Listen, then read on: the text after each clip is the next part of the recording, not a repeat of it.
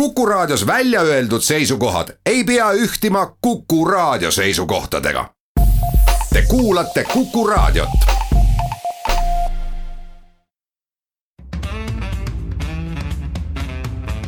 muuli ja Riikoja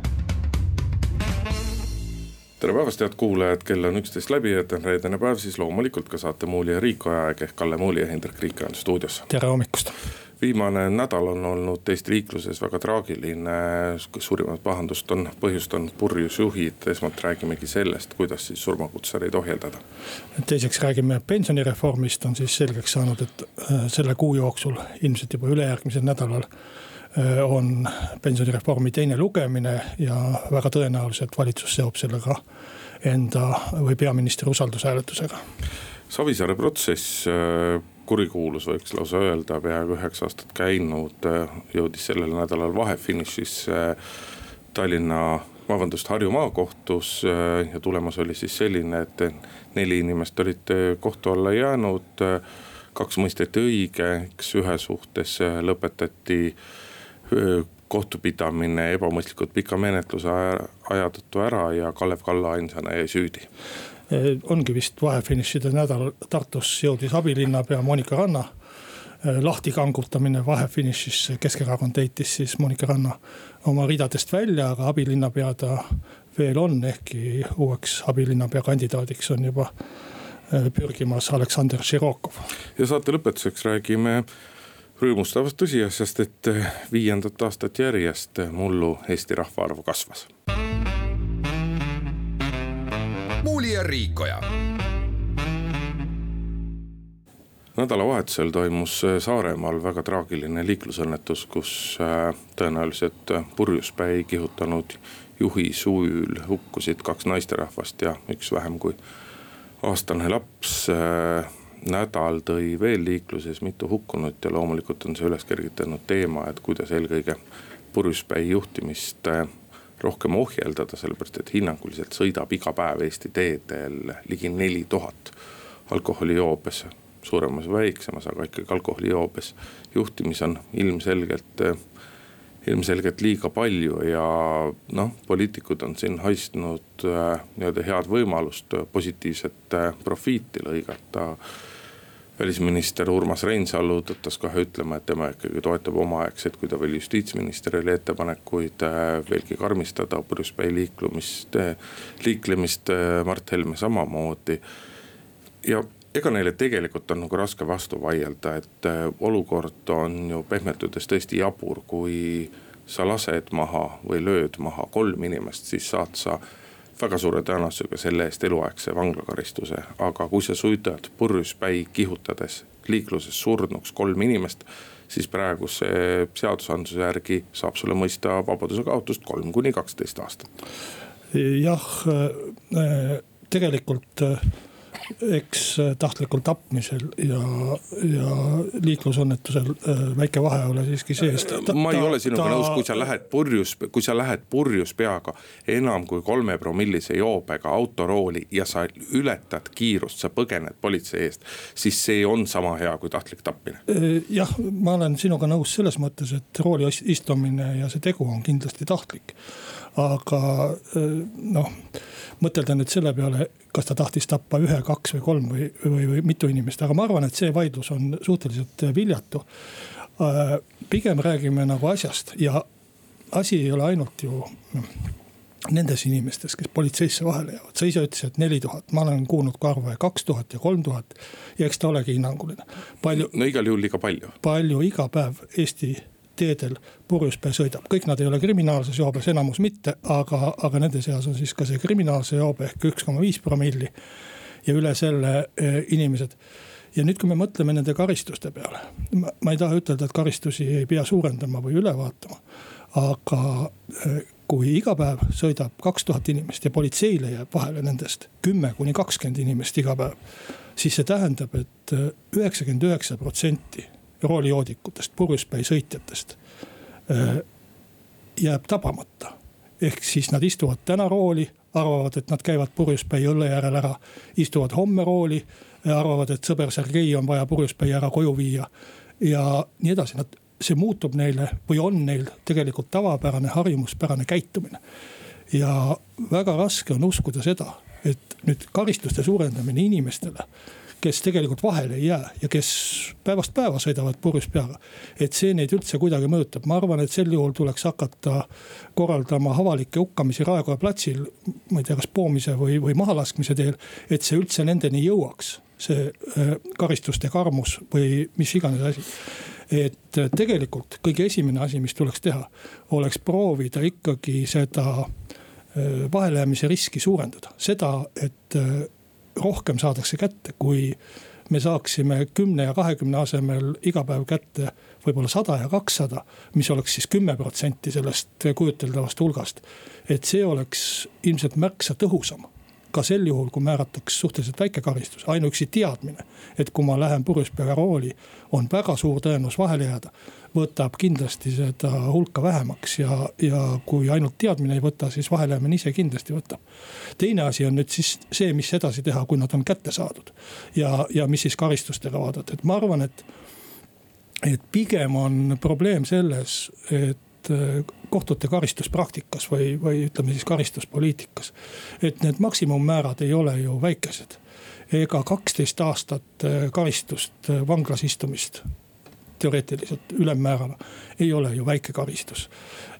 ja, ja suurendada seda veel aasta või kolme aasta võrra kahe või viieteistkümne aastaseks vanglakaristuseks, ma ei usu, et sellel on selline kapitaalne ja, ja põhjapanev mõju pigem on ikkagi probleem selles, et kui inimene korduvalt äh, paneb toime rikkumise, jääb korduvalt vahele.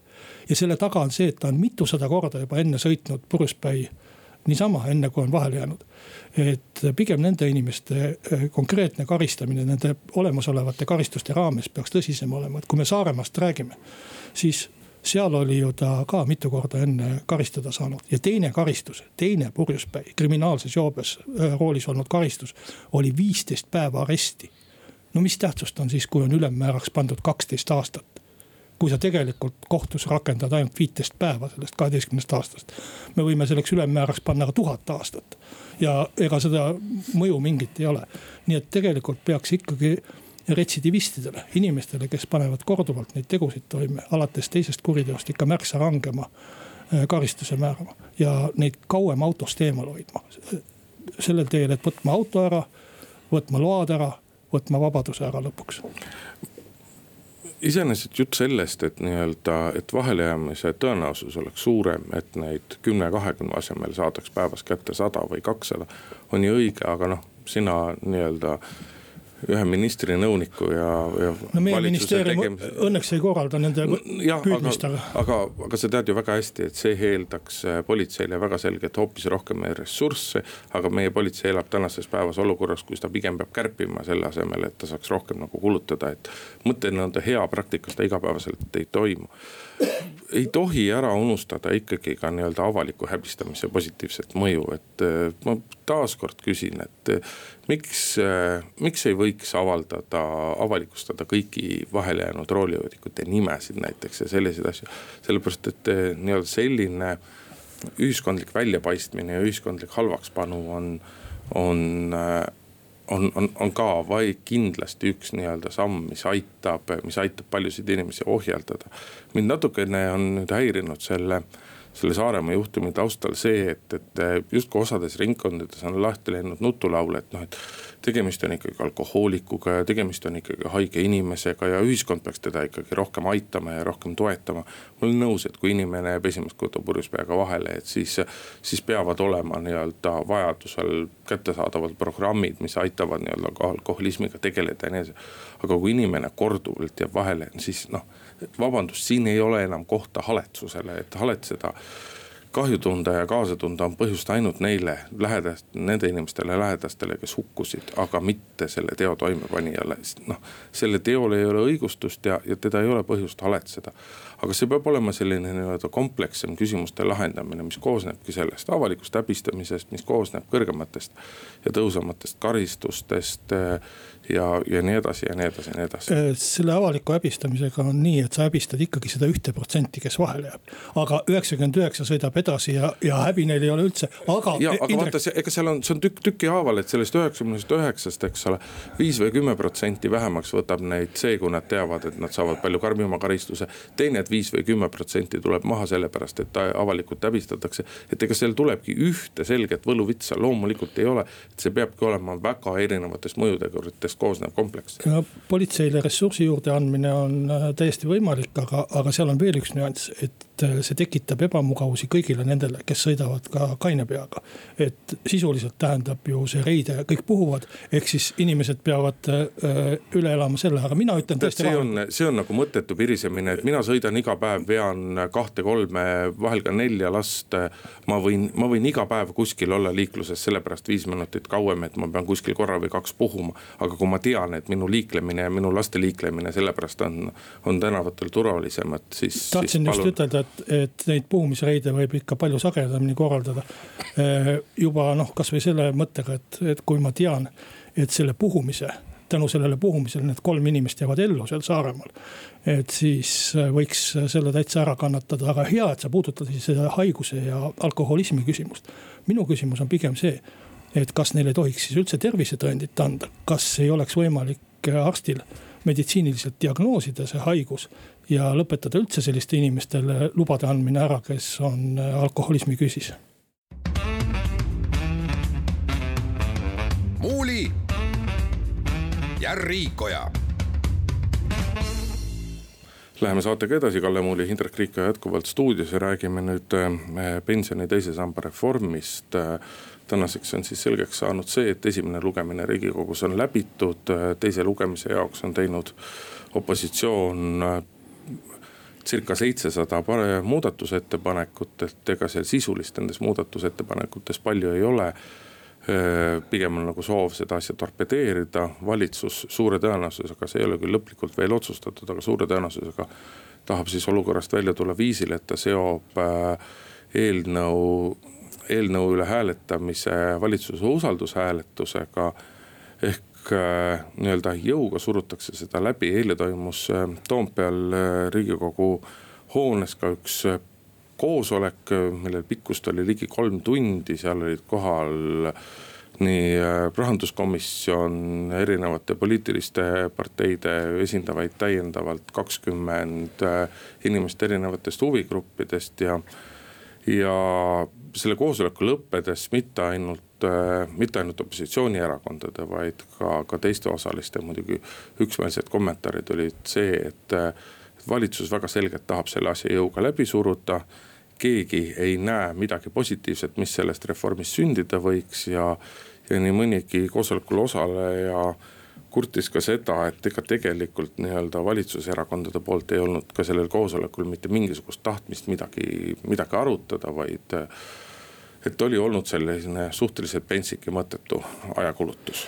nüüd nad käivad koos ja juba mitmendat korda eelmisel aastal ka kogunesid ja eks see komisjonide arutelu selles mõttes nii käibki, aga, aga kahju on muidugi sellest ja tuline kahju on, et riigikogus jääb sisuline arutelu ära see muidugi selgus siis, kui need ettepanekud esitati, et teisel lugemisel tavaliselt ongi põhiosa arutelust ikkagi parandusettepanekute arutelu. mida jätta sisse, mida välja ja milline see eelnõu siis pärast äh, parandusettepanekuid hakkab olema. aga kui sul on seitsesada parandusettepanekut, millel mitte mingit sisulist mõtet ei ole, siis ei ole võimalik neid ka sisuliselt arutada. et kui parandusettepanekud on, et seadus jõustub esimesel jaanuaril, teine parandusettepanek, seadus jõustub teisel jaanuaril. seadus jõustub kolmandal jaanuaril, mida sa saad arutada, et. Kalle, seda sisulist arutelu on peetud ühiskonnas juba, juba varsti ligi aasta aega, selle sisulise arutelu käigus on noh, nagu pärast seda eilset koosolekut. kõik sisuliselt kõik nii-öelda osapooled tunnistavad, et sellest muudatusest ei lähe mitte midagi paremaks, et sellest sellest äh, muudatusest võitjaid on vaid mõned üksikud, kui üldse kedagi on ja, ja, ja, ja te ikka valitsusega surute seda asja läbi, noh. no miks te teete, kui, kui, kui, kõik ütlevad, et sellel see, asjal ei ole mõtet. see, et äh, sisulist arutelu on ühiskonnas peetud juba, mis sa ütlesid siin mitu kuud, et see on tegelikult väga hea.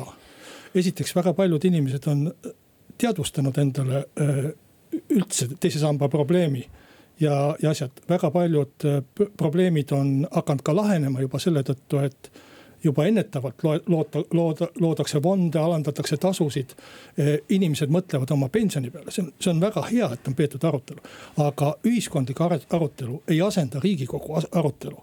Ja, ja, ja selles mõttes mul on kahju, mina oleks tahtnud näha seda arutelu ka sisuliselt riigikogus. jah, aga seda riigikogus sisulist arutelu ei ole sellepärast, et, et valitsuskoalitsiooni erakonnad on, on näidanud oma käitumisega, et nad ei ole valmis ja omalt poolt mitte mingisuguse selliseks sisuliseks aruteluks.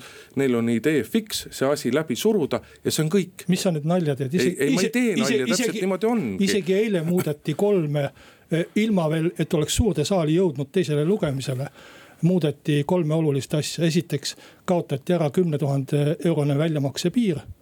sellepärast, et juristid osutasid, et see võib olla põhiseadusega vastuolus ja see on konkreetse kriitika arvestamine. Eh, teiseks anti fondidele võimalus äh, võtta kakskümmend viis, kahekümne viie protsendi ulatuses laenu. Neil seni seda võimalust ei olnud, seni oli kümne protsendi piir ja see on just mõte Eh, et välistada see olukord, millele sa juhtisid siin ühes saates tähelepanu. et võib juhtuda, et kui väga palju inimesi tahavad mõnest väiksest fondist väljuda, et siis fond peab väga kiiresti müüma oma varasid. ja, ja selle tõttu. ehk te tegelikult neile, kes koguda tahate seal fondis, neile te panete tegelikult lisakoormised peale ja nii-öelda nende positsiooni ikkagi kehvendate. Need fondid on pankades ja nad saavad võtta pangast endast laenu, nii et nad tegelikult ei pea ja, midagi müüma. no mingit intressi peavad nad ikka maksma ja see intress tuleb kinni maksta neil inimestel. aga, aga, aga, aga aga on... ma, las ma ütlen kolmanda muudatusega ka ära, et siis on need muud tähtsad, noh, need on olulised muudatused, et äh, väljamakse siis tehakse äh, viis kuud pärast seda, kui sa oled avalduse teinud. seni oli reegel, et, et eelnõus, et tehakse üks kuu pärast seda. see on ka suur vahe ja see annab fondidele võimaluse neid äh, aktsiaid vajaduse korral noh, aeglasemalt müüa või, või, või saada selleks lisaaega. et ainuüksi eile tehti kolm muudatust. jah, aga vaata need ja, muudatused ja sa, ja sa räägid, on. et, et, et ei ole mõtet arutada. kui oleks sisulised ettepanekud selle asemel, et millal jõustada ja millal äh, või, või kolmsada kuuskümmend viis päeva aastas seal üles loetud nagu kalender. et siis saaks neid ka arutada, aga no mida sa arutad seal ja, ja sellepärast ei, sellepärast ongi ette nähtud, et kui opositsioon tahab takistada riigikogu tööd, viita lihtsalt aega. rahvasaadikute nelja tuhande eurose palgaga inimeste aega panna seal ööpäevadeks istuma. milline suurepärane klassivaenu õhutamine.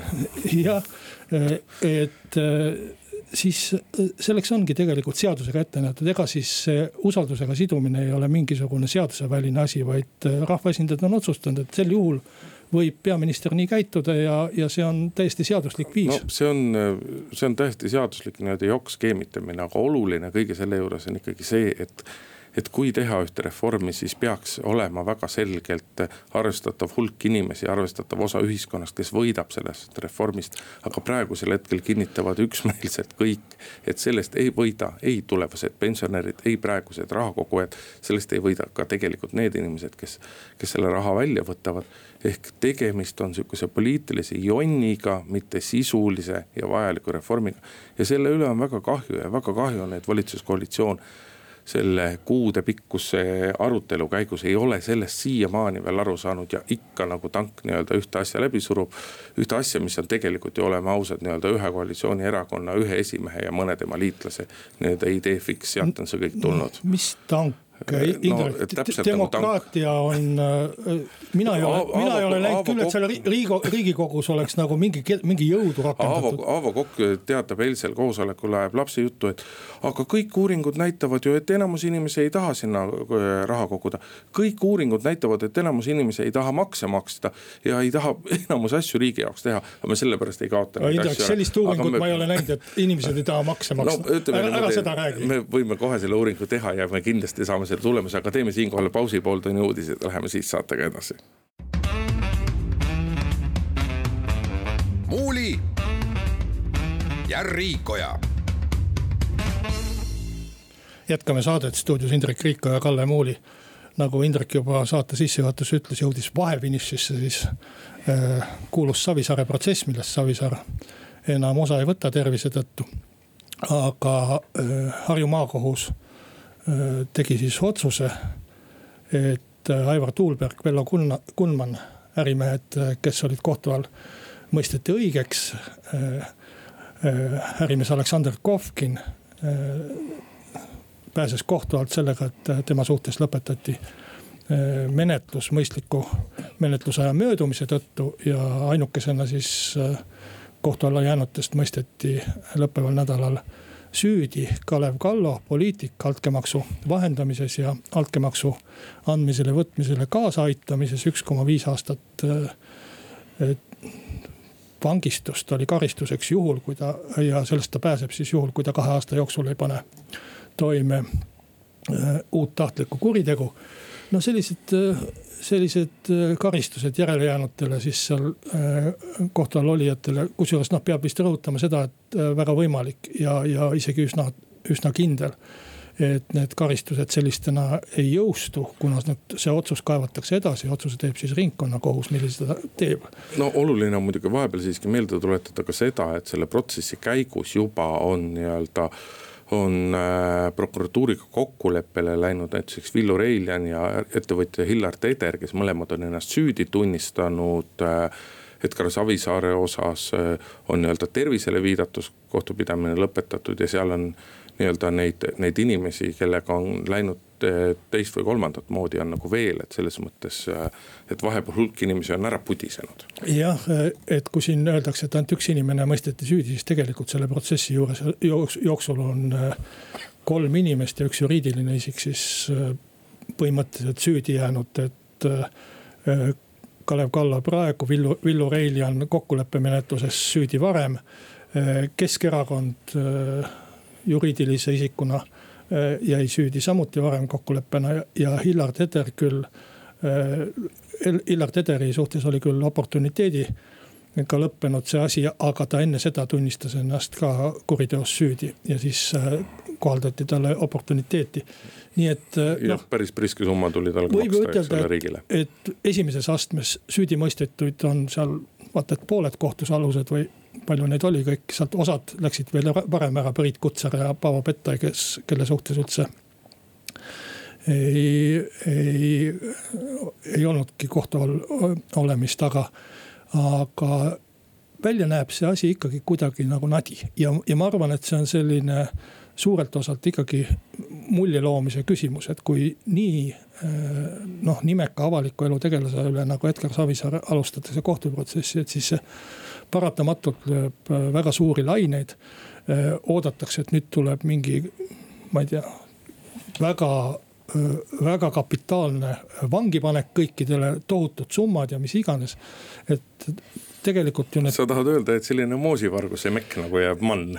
ja, ja justkui näeb, välja näeb asi väljapoole, justkui oleks prokuratuur läbi kukkunud, kohus läbi kukkunud, riik kukku, läbi kukkunud aga, aga noh, samas kui sa vaatad äh, neid süüdistusi ja asju, siis need süüdistused olid ju ka ikkagi mitte sellistes ajaloolistes äh, summades altkäemaksu andmises, vaid kes andis kellele kinkekaardi, kes maksis kelle hotelliarve ja, ja, ja summad olid seal maksimaalsel juhul paarkümmend tuhat eurot või midagi sellist kohtuprotsess on nii kaua kestnud, et mul hakkavad detailid juba meelest ära minema. ja, ja eks see nii pika ja keerulise protsessi venimine iseenesest ka loob sellise mulje, et, et noh püütakse seal midagi kaela määrida ja hästi välja ei tule ja, ja, ja kus see tõde ja õiglus siin on. kriminaalasi algas ju kahe tuhande neljateistkümnendal aastal ja, ja kohtuprotsess ise on kestnud kaks ja pool aastat, kaks tuhat seitseteist suvi oli, kui algas kohus. et kuidagi peaks, ma arvan, et võib-olla ka see ministeerium, kus mina töötan, justiitsministeerium, mõtlema selle peale, kuidas neid protsesse, mis on suure avaliku tähelepanu all. ja mis on tegelikult väga keerulised ja pikaajalised protsessid eh, kujundada niiviisi, et neist ei jääks selline paha maitse suhu, isegi siis, kui noh, prokuratuur tõesti väga mitme inimese suhtes äh, suudab selle süü ära tõestada ja kohus langeb, langetab süüdimõistva otsuse. no siin on äh, selles juhtumis on nii-öelda nagu mitu erinevat kihti, et üks asi on, üks asi on nüüd see nii-öelda maakonna, maakohtu otsus see võib niimoodi pidama jääda, see ei pruugi niimoodi pidama jääda, et vähemasti ringkonnakohus ja riigikohus on meil veel ees ootamas. aga kui me tuletame meelde maadevahetuse protsessi, siis seal oli ka täpselt samamoodi, et esimeses astmes toimus suur õigeksmõistmise laine, aga järgmistes astmetes vaadati esimese astme kohtuotsus kohtuotsuse ümber, et see on nii-öelda nagu üks asi. no see on veel omaette küsimus, et kohtuotsus ei jää pidama. et äh, prokuratuuri seisukohast, noh prokuratuuri seisukohast on, on, on selles mõttes igal juhul nadi, et jah, et ühest küljest äh, inimesed ootavad ja tahaks ka ise öelda, et võib-olla nii-öelda moosivarguse pärast ei ole võimalik, ei ole mõtet nagu sõdida, et, et kui teete, siis teete, tehke ikka ainult suuri asju. aga noh, õige, õigusemõistmise seisukohast ei ole ju vahet, kas äh, kas, kas maha lüüakse üks inimene või lüüakse sada inimest, kas varastatakse sada eurot või sada miljonit eurot, et ühtemoodi keelatud on mõlemad tegevused ja ühtemoodi tuleb tegeleda mõlema mõlema asjaga, et selles mõttes teatud nii-öelda konflikt selle avalikkuse ja prokuratuuri vahele on alati sinna, alati sinna sisse kirjutatud, aga eks see põhiline küsimus ikkagi on tegelikult selles kohtupidamise uurimise ajas ja kohtupidamise ajas, et et siin ühelt teiselt erakonnalt on nagu tulnud väga radikaalseid ettepanekuid selles osas, et, et kuidas piirata nii-öelda menetlusaega, kuidas no, piirata kohtupidamise aega. et, et, et kindlasti seal on nii-öelda mindud nagu liiga äärmustesse oma pakkumistega, just nimelt äärmustesse selles mõttes, et nii-öelda keerulisi protsesse siin mõne kuuga ei ole võimalik uurida aga, aga, aga kuidas ikkagi jah saavutada niimoodi, et, et asjaga ei tegeletaks mitte viis aastat, vaid saadakse hakkama kahe aastaga või, või tegeletaks kolm aastat ja saadakse hakkama ühe aastaga, et et siin on mingisuguseid muutusi on vaja, mis need muutused võivad olla, tunnistan ausalt, et ega mina ei oska nagu täpselt öelda, et ei ole minu ampluaa ja ei, ei tunne mina seda osa seadusest nagu nii hästi. aga midagi nagu teha on vaja, sest et lõpuks taandub ju tegelikult kõik sellele, et kui tõsiseltvõetavad on avalikkuse silmis meie kohtuvõimud, kui tõsiseltvõetavad on meie uurimisorganid. üks asi, millele ma olen mõelnud, on see, et kohtud on praegu äh, kriminaalasju jagamas kohtunike vahel äh, väga sellise õiglase ja objektiivse meetodiga, milleks on loosimine. ja mis on äh, tegelikult hea meetod ja päris palju Äh, tülisid, pahandusi ja vigu ära parandanud, mis äh, enne seda süsteemi üheksakümnendatel aastatel oli, kui ei loositud asju. aga see on ka loonud sellise asja, et, et iga kohtunik võib sattuma, sattuda äh, arutama sellist võib-olla Eesti kõige tähtsamat protsessi, et kui, kui, kui me. sa viitad sellele, et kohtunik kellel on üks aasta kogemust ja kohtunik, kellel on kakskümmend aastat kogemust, et nad justkui on ühel pulgal kogu aeg. jah, ma ei taha nüüd seda äh, juttu rääkida konkreetselt selle Savisaare protsessi asjus, vaid üldisemalt. et äh, kui, kui sa töötad haiglas, siis kõige keerulisemat operatsiooni paned sa ju ikkagi läbi viima kõige kogenuma ja osavama arsti, eks ju. ja, ja isegi kui sa Kuku, Kuku raadios teed äh, mingisuguseid uudiseid või asju, noh, laulupeo reportaaži sa ei pane tegema algajat, eks ju. esimest aastat kohtus olevat koht- või esimest aastat tööl olevat ajakirjanikku. aga kohtus on nad põhimõtteliselt kõik äh, selle loosi ees võrdsed. et võib-olla tasuks kaaluda seda, et äh, ütleme, et kui on väga tähtsad äh, protsessid, mille, mida on võimalik kuidagi tuvastada, et need on tähtsad või need on suure avaliku tähelepanu. et sellest loosimisest võtaks osa mingi väiksem ring kohtunikke, et, et võib-olla, et. võib-olla, et kõige keerulisemaid asju ei, ei maksa panna arutama kõige väiksema kogemuse või kõige, kõige väiksema sellise äh, protsessi juhtimisvõimega äh, kohtunik, et see oleks üks asi, mida ma olen mõelnud, mida annaks teha. ja, ja sealt saaks vaadata võib-olla ka seda natuke, et kohtunikul oleks, mõnel kohtunikul, kes, kes asja veab, oleks rohkem aega või, või saaks kiiremini arutada et kõik ei pea ilmtingimata olema ühel pulgal, ehkki see ühel pulgal olemine üldreeglina on hea. no see küsimus on selles nii-öelda kohtu sõltumatuses, kohtunikkonna sõltumatuses, juhuslikkuses nende töö, nende töö saamisel, ma pean silmas konkreetsete nii-öelda protsesside saamisel. et äh, mõte kõik on nagu väga hea, aga selle jaoks, et tõesti ühte head süsteemi välja mõelda, et väga suur hulk päid sinu enda koduministeeriumis läheb ennem suitsema, kui see asi valmis saab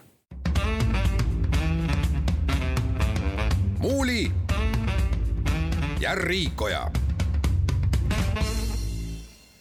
Läheme saatega edasi, stuudios jätkuvad Kalle Muuli, Hindrek Riiko ja Tartu võimutüli või tegu, ei, see ei ole tegelikult Tartu võimutüli, vaid see on Keskerakonna jabur siseheitlus Tartusse on jõudnud siis vaheetappi, kus Monika Rand senine või isegi praegune Tartu abilinnapea nädala keskel visati Keskerakonnast välja.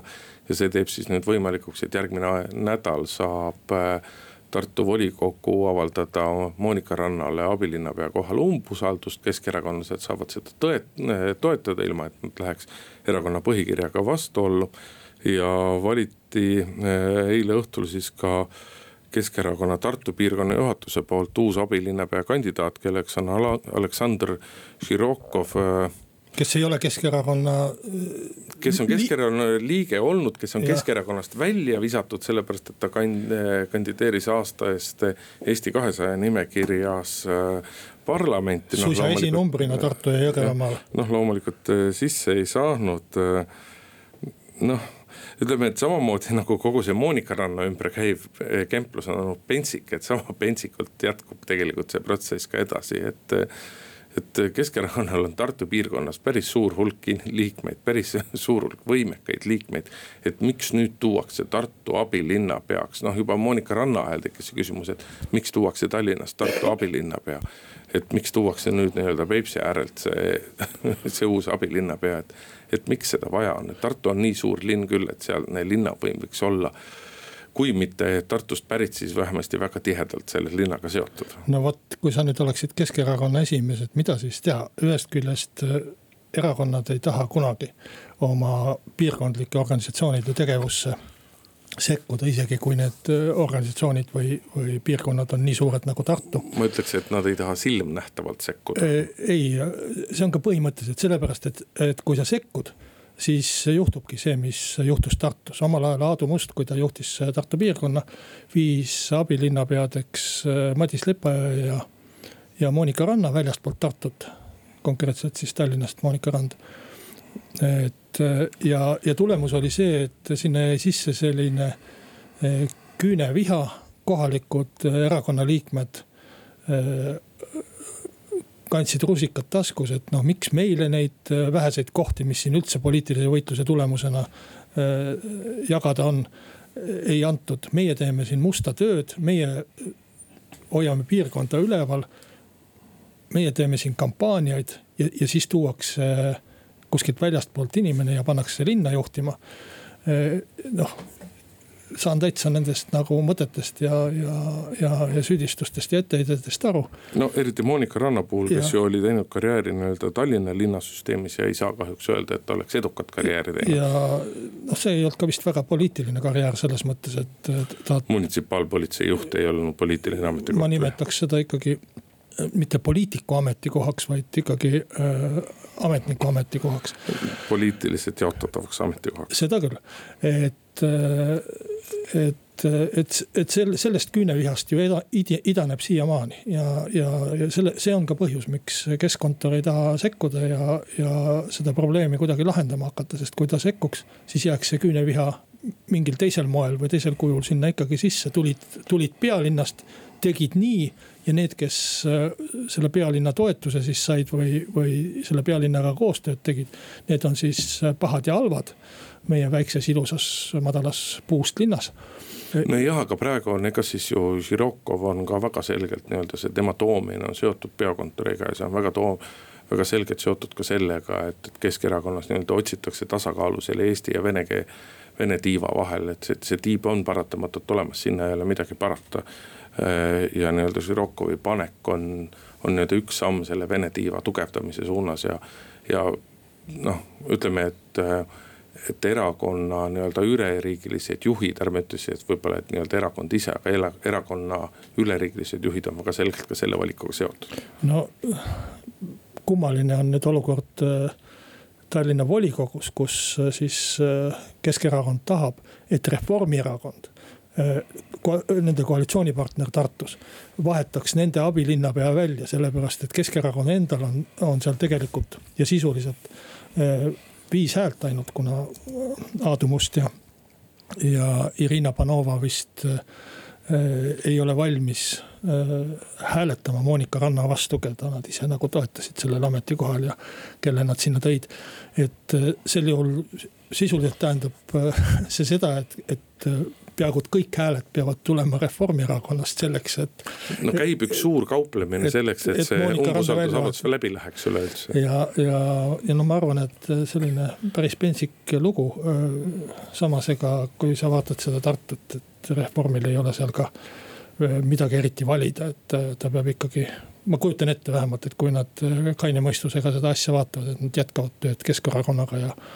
ja teevad selle otsuse ära, et, et aitavad Keskerakonnal selle abilinnapea välja vahetada, sest eks see lõpuks hakkab ka Reformierakonnale vastu. vastu pükse jooksma, et, et äh, selline tüli Tartus on, ehkki nemad otseselt tülis ei osale.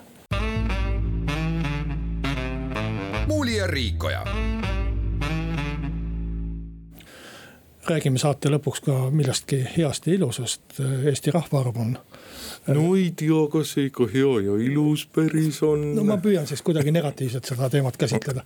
ei, tegelikult on loomulikult hea. et äh, Eesti rahvaarv on siis viiendat aastat järjest juba äh, kasvanud, äh, küll sisserände arvelt, mitte, mitte loomuliku positiivse iibe arvelt Eestisse on siis mööduval, möödunud aastal äh, tulnud kaksteist tuhat inimest, siit on ära läinud seitse tuhat inimest ja siis vahe on, on viis tuhat äh, ja see vahe on siis äh, suurem kui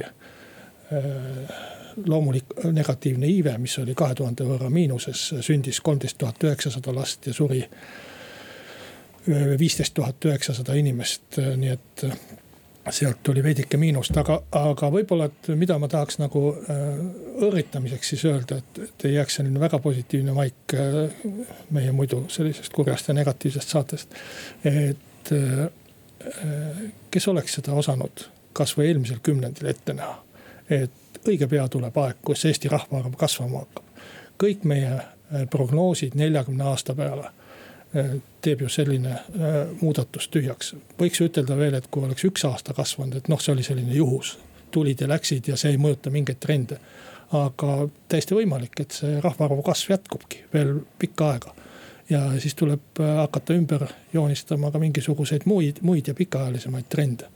nii et tegelikult on see ikkagi väga hea tulemus, isegi kui äh, kuskilt tuleb nüüd EKRE ja ütleb, et vot need olid ukrainlased, venelased, ma ei tea, kes iganes. Äh, kes siia Eestisse tulid. Äh, ma arvan, et sellises tempos, isegi kui nende seas on päris suur arv noh, selliseid inimesi, kes ei oska eesti keelt ja kellel puudus varem side Eestiga. et sellises tempos me suudame neid ka nii-öelda Eesti ühiskonda sulandada või, või niiviisi vastu võtta, et nad meile tüli ei tee. optimistina, optimistina tahaksin sind äh, lohutada, et ära muretse, hiljemalt järgmise majanduslanguse ajal raudselt äh, nii-öelda rahvastiku arv väheneb, sest et osa inimesi läheb uuesti Eestist välja tagasi. aga nende numbrite juurest ühest küljest positiivne on see, et rahvaarv kasvab, teisest küljest positiivne on see, et äh, nii-öelda nende sisserännanute sees on ka tegelikult ports tagasirändajaid ehk eestlasi, kes on siit pikalt eemal olnud, aga tulevad tagasi aga kõige positiivsem on see, et äh, sündide arv kasvab. ja nii-öelda see tegelikult äh, loob teed või sillutab teele sellele, et ükskord ka see nii-öelda iive positiivseks võiks muutuda. no kui nüüd väga täpne olla, siis kaks tuhat üheksateist, kaks tuhande kaheksateistkümnendaga võrreldes sündide arv ei kasvanud, sest kaks tuhat kaheksateist oli, kaks tuhat kaheksateist oli ta väga kõrge. jah, aga noh, ma mõtlen sellesama viie, viie aasta nii-öelda lõikes. Et... ja lõppeval aastal oli ta ikkagi kõrgem kui kaks tuhat seitseteist ja varem mm. -hmm. aga mida võiks veel ütelda lõunanaabrite õrrituseks, et varsti on meie Eesti mitte suurem Lätist ainult oma riigieelarve mahu poolest, vaid ka rahvaarvu poolest, sest Lätis väga kiiresti kahaneb rahvaarv. nii et palju õnne, kallid lätlased, meie peame siinkohal oma saatele joone alla tõmbama, Kalle Muuli, Hindrek Riikoja olid stuudios ja nädala aja pärast kuuleme jälle. muuli ja Riikoja